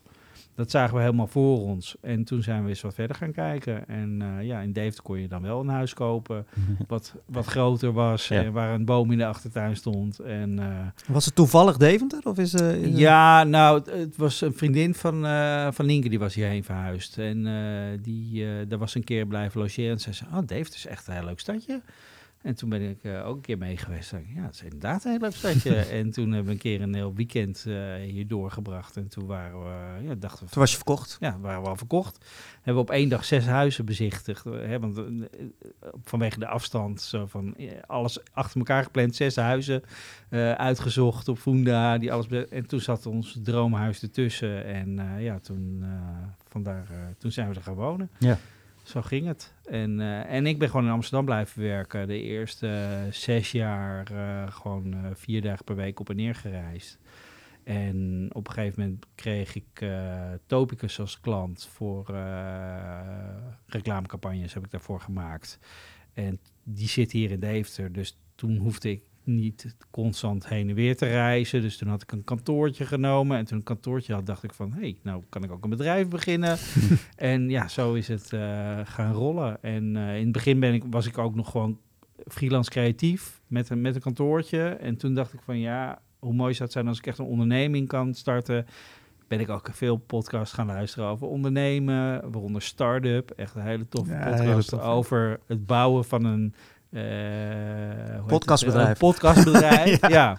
En dat is zo gaaf. Ja, dat vond ik Dat zo inspirerend. En Heb je die al dat- geluisterd, Dennis? Nee, nee, nee. Ik hoor er steeds meer mensen over. Ja. Over Gimlet. gaat het Gimlet, ja. Gimlet, ja. Ja, vooral het eerste seizoen heb ik geluisterd. Daarna ben ik wel ik, ik ben daarna ook meteen afgehaakt. Dat eerste seizoen Maar is Het eerste goud. seizoen is gewoon goud, omdat Echt. die, die jongen gewoon heel kwetsbaar laat horen hoe hij dat bedrijf aan het vormgeven is. En hij is zo'n sukkel daarin. Ja. Hij, hij doet echt ongeveer alles fout, maar uiteindelijk krijgt hij het wel van de grond. En ook de naamgeving komt daar ook nog helemaal Ja. in terug. En eh, dan werkt hij met het grootste naambureau van New York, waar ik natuurlijk eh, met een schuin oog ook naar kijk, is eh, Lexicon. Ook een van de, mijn voorbeelden van wauw, dat is echt een bedrijf. Die hebben Pentium bedacht, onder andere voor Intel. Daar denk ik echt van ja, dat, die kant zou ik ook op willen. Ehm, en eh, natuurlijk de 4-Hour Workweek van eh, eh, Tim Ferriss. Ja. En zijn podcast is ook, heb ik ook heel veel geluisterd in het begin. Ja, allemaal puzzelstukjes. En dan hoor je de hele tijd terug. Ja, je moet gaan doen. Specialiseren is een goed idee. En gaan doen wat je leuk vindt. En dat werd dus namen bedenken. Mhm. In Deventer. In Deventer. Want dat, ja, want ook al. Ik doe het nu al eh, vier jaar, maar vanaf dag één eh, heb ik mijn presentatie altijd in Zoom-calls gedaan. Dus eh, ook klanten die zeiden van, kom je langs? Zijn, nee, ik, ik doe het wel via Zoom. En dan zeiden ze, oh ja, dat kan ook eigenlijk inderdaad. en nu zegt iedereen van, eh, oh ja, we gaan zoomen. Ja, voor mij al, al jarenlang eh, standaard manier om eh, contact te hebben met mijn klanten. Ja. Heel Early adapter die, Florence. eh. ja, echt wel. nee, maar ook met een namenpresentatie is geen, het Nee. is geen eh, eh, grote show verder. Ik, ik heb gewoon allemaal slides met allemaal namen erop. Die presenteer ik, leg uit wat ze betekenen of waar ze vandaan komen. En daarna moeten mensen daar Toch een zelf beetje wat landen. over en, gaan ja. nadenken. Ja. Ze kunnen niet in zo'n presentatie zeggen van ik vind het leuk of niet leuk. Dat werkt helemaal Dan niet. wordt het toch alleen maar een discussie om een discussie om die vergadering te vullen, zeg maar. Ja, heel veel mensen Ja. zijn gewend om in, in een vergadering meteen hun reactie te geven op wat ze zien. En ik zeg van dat, dat mag bij mij niet. Ga er maar even rustig over Ja. nadenken. En dan Ja. komen ze echt met goede feedback terug. In plaats van die meteen Die erop schieten feedback van ja, het eerste klinkt, het indruk, klinkt ja. een beetje als huppeldepup. En dan als iedereen in de zaal dat gehoord heeft, dan is dat ook niet meer uit je hoofd krijgen. Terwijl als iemand anders iets anders, een andere associatie heeft, die heel positief is, dan zou dat weer het ding Ja, kunnen slim, zijn. ja. Ja, maar dat is, dat is sowieso iets wat, wat eh, eh, ook een soort truc is wat heel vaak wordt ingezet. Met, ik koppel het even naar, naar mijn eigen eh, branche, bier. ja. Als jij eenmaal van een bepaald bier tijdens de proeverij zegt, eh, dit kun je ruiken of dit kun je proeven, ja, dan, dan kan niemand anders meer terug, zeg maar. Dus als jij zegt, eh, nou, dit is een heerlijk eh, bokbiertje en het heeft een beetje bananengeur. Niemand zal dan meer denken van, nee, nee, dat is eh, echt wel iets heel anders. Nee, iedereen denkt dan aan banaan. Terwijl dus het, het grappige aan die geur, aan die smaken, is dat het heel dichtbij bijvoorbeeld een soort van lijmpistoolachtig geur zit. Als je dat direct zegt, dan kan ook niemand meer daar af vanaf en dan vindt niemand het meer lekker. Want dan denkt iedereen daaraan en dan is het gewoon kapot. En dat is dus het grappige, dat, ja, puur wat je hier nu bij zegt. Als, als eenmaal iets in de kop, koppen zit bij mensen, als eenmaal iets, dus, dan, dan kun je het niet meer wegassociëren. Ja, eh, krijg een, een, een, eh, een bakje met eh, eh, sla voor je neus en ze, en ze zeggen dat er druiven in zitten. Nou, de eerste hap dat jij neemt van een olijf, dan schrik je je helemaal kapot. Want Ja. in je hoofd zit al dat er iets zoets gaat komen, terwijl jij neemt een hap van iets be- best wel zouts. Ja, dat is eigenlijk precies wat je, hier, eh, wat je hiermee zegt. Van als het eenmaal in de kop, ja, dan gaat het er ook niet, eh, gaat er heel lastig uit. Ja, En dan kun je ook niet meer vrij associëren. Kun je niet meer vrij zelf bepalen. Wat vind ik hier nou van? Ja, dat is wel eh, ja, grappig. dat, met name inderdaad precies hetzelfde. Ja. Als, het, als het gevoel negatief is, ja, dan krijg je het er maar eens af. ja. Hetzelfde, en dan maak ik een mooie koppeling naar nog een biermerk. Corona. Wat, wat vind jij nou? Moeten zij het helemaal Ah. gaan loslaten? Of, of denk je dat de associatie er wel af kan? Of denk je dat ze heel veel geld hebben verdiend de afgelopen jaren? Ik heb echt geen idee. Ik zie het nog steeds in de supermarkt staan. En, eh, ik zag een reclame. Heb je die denk- ook gezien? Of had jij die gepost? Ik weet niet. eens. Nee, Van nee, ik zo'n- heb hem ook gezien. Zo'n abri met een halve coronaflessen. Kunnen we alweer. eh Ja, ja, ik denk dat ze... Kijk, het is natuurlijk gewoon een... een, een eh, ze bestaan al zo lang en het merk zit in zoveel hoofden gebrand... Mhm. dat ze het uiteindelijk wel weer... dat ze gewoon weer terugkomen. Ja, ik denk ook niet dat ze weg zijn geweest, eerlijk gezegd. Hoor. Nee, ze zijn niet weg geweest, maar ze... ze de, De, zeg maar nu, nu eh, is, De het voor, is de koppeling naar, naar, Grapje. de, naar het virus heel makkelijk. ja. Ja. En op een gegeven moment is dat gewoon dat hele virusgedoe voorbij en, en niemand wil daaraan herinnerd worden. Eh, ik las, las ik, Ik denk dat ze er heel, ik las heel ook gaan inhaken. van, van waarom is er zo weinig bekend over, eh, over die Spaanse griep-epidemie die Ja. er in het begin van de 19e eeuw was of 20e eeuw. Ja, omdat niemand daar meer aan herinnerd worden. Niemand is daarover gaan schrijven of films gaan maken of boeken schrijven. Het is gewoon van, daar willen we gewoon Maar- niet meer aan herinnerd worden. Punt. een kruis doorheen. Ja. Begrijpelijk. Hey, ik heb ook nog een vraag. Eh, komt er een tweede boek? Eh, ja. Zit je op zondag om 11 uur alweer achter je Nee, laptop nee, eh, schrijvende? Ik ben wel in gesprek met mijn uitgever en ik heb nu een Ja, is Idee huisje in liggen. alweer geboekt? Eh, ja, hij vindt het een heel goed idee. En, eh, maar we zijn nog een beetje aan het puzzelen hoe, het, eh, hoe we het gaan inzetten. Dat het niet een soort deel 2 van dit boek wordt. Het Hm. gaat wel over namen, maar ik heb wel een, eh, een, ben met de andere insteek bezig. Kijk ernaar uit. Leuk. Tof. Spannend. Eh, we zitten over een uur heen. Ja. Heb jij nog een, eh, een, een prangende vraag die, eh, die, die we nog niet gesteld hebben? Of heb jij nog iets, Floris, waarvan jij zegt van nou daar Nou, ik, ben- ik ben wel benieuwd, ik ben wel benieuwd wat hij van de naam boekengasten vindt. De naam Boekengasten. Oh, daar zijn ook heel veel brainstorm sessies aan vooraf gegaan. Oh ja. dus eh, niet afschieten alsjeblieft. Nee, zeg hoor, zeg ik wat je ervan vindt. Ja, dat is leuk, omdat het, eh, het je, je geeft gasten heeft natuurlijk meerdere betekenissen. Dat maakt het leuk. Jullie zijn eh, stel leuke gasten. Je kan gasten uitnodigen. Het gaat duidelijk over boeken. Eh, het is ook, gast is ook een fijn woord. Hè? Los van eh, gast in de, in de zin van dude of gozer. Maar ook van eh, gast is open, gastvrij. mensen die kunnen binnenkomen. Dus je voelt meteen van, dat is een open gesprek over boeken. Dat hoor, hoor ik erin terug. Het zal voor iedereen wel weer een beetje anders zijn, maar gasten kan nooit een negatieve connotatie hebben. En doordat je, en je zegt wel duidelijk boeken, weet je, het- en bij podcast moet je het ook niet te ingewikkeld maken, vind ik. Nee. Want heel veel mensen die zijn, proberen of echt heel grappig te zijn, en of allemaal podcastverbasteringen erin te stoppen. En dat is wel een beetje geweest, Ja. denk ik. Ik denk Eens. juist voor een podcast moet je eh, juist omdat, hè, ook omdat hele specifieke onderwerpen altijd zijn, probeer dat specifieke onderwerp nou alsjeblieft in je titel te zetten. Want anders, ja, dan, dan mis je gewoon iets. Ja, ja, ja. Ja, ik heb het zelf ook gedaan. Dus eh, die, die hele verbastering met als ik nu een podcast zie en er zit, er, zit een, kast, ka- een podcast in ver, ver- verbasterd, dan denk ik, oh, had ik ook mijn andere namen bedacht. Maar goed, eh, met podcast.egd, ja, ik doe alles met EGD, dus dat was voor mij makkelijk. Maar Ja, met puntcast ik heb, denk ik ik, heb nu ook wel. de Namarama Show. Dat is Ja, ook show is ook zo'n ding, ja. Ja, show is nog wel leuk, omdat het die... die ja, maar dat zie je ook bij best wel veel dingen. De, de, Ja, eh, best wel veel podcasts. Het is nu, nu zou ik het niet meer op die manier doen, maar ja. Hey, Virtual Box. Onze naam is uh, goedgekeurd. Ja, we hebben hem niet Ja. zelf bedacht, dus even nog een shout-out. Uh, Ja. Dennis, doe jij even de shout-out. Marieke van Haren, mijn vrouw, heeft een, uh, heeft een bedacht. We hadden een hele lijst met superleuke namen. ja, superleuke namen. En mijn vrouw zei, Boekengasten, is dat niet iets? Oh ja. Ah, Zo is het naam van onze podcast ontstaan. Ja. nou, ook een manier. Eerst een hele lange lijst maken, die aan iemand voorlezen en dan komt opeens de juiste naam eruit. Precies. Nou, Ik weet niet meer wat dus wij hebben een goede wedstrijd uitgeschreven aan één persoon. Eh, Nou ja, die, eh, Die hebben we heel belangrijk gemaakt door gewoon inderdaad te zeggen, ja, dat is de goede. ik zit te denken, wat hadden we nog meer? Ja, we hebben dit al een keer in een podcast, maar dat is alweer een tijdje geleden. Maar goed, boekengast is nu een begrip geworden na tien afleveringen. Oh man, ja. kunnen niet meer zonder. We hebben dat merk zo ontzettend geladen. Oh. En nu met een special met Floris. Super bedankt, Floris. Ja, Jullie ook bedankt. Is er nog iets wat je, wat je wil toevoegen? Dat je wil zeggen van, nou ja, ehm, deze tip heb ik nog. Of, eh, Hoor, Volg me eh, op, eh, mijn, web- Namarama, mijn website social eh, staat media. vol met tips, dus eh, mensen zijn altijd welkom om daar even te neuzen. gratis e-boekje te downloaden. Precies, vol met extra tips. En eh, Dus, wil je een naam, heb je geen zin om zelf te verzinnen. Boek Floris natuurlijk. eh, Ja hoor, net zo makkelijk. Nog een kleine, kleine commer- commercial break. en eh, ja, nou, lees, eh, lees zijn boek, Ja, absoluut. zou ik zeggen. Maak je naam onvergetelijk is de titel van het boek. Ja. Zoek hem op Ja. en eh, koop hem bij je plaatselijke boekhandel. En, eh, en geef het aan op hebban.nl. Oh ja, op Hebban. Ja, we kunnen hem nu eh, ook toevoegen. Staat hij op Hebban? Nee, je staat, Hebban staat niet op Nee. hebban. Nee. Echt een verschrikkelijk... Ja, nou, als we het over namen hebben. De naam, ja. Hebben. Het is, ja, het is grappig. Maar heb je enig idee wat hebben zou kunnen zijn? Iets wat je gratis weggeeft of zo? Ja, ik vind het dus... Het slaat ook helemaal, helemaal nergens op. Maar het is dus een website waar je je boeken, boeken kan bijhouden die je gelezen hebt en kan beoordelen. En Ah, je kan boekenplanken maken. En dat hebben wij dus gedaan. Omdat Dennis en ik dus allebei een boekenkast hebben. En af en toe dan krijg ik een boek. Zo, ja, die heb ik ook in de kast staan. Eh, hadden we beter een ander boek. eh. ja. Dus eh, toen zei Dennis, misschien moeten we op Haban. dat is een verbastering van hebben.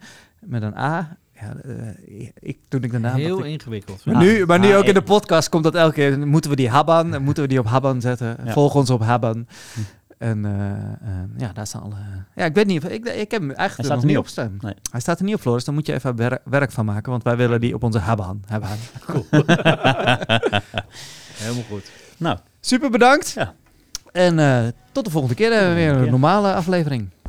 Over, eh, over onze smartphones. over onze smartphones. Wordt gezellig. Absoluut. Tot dan. Hoi. Hoi.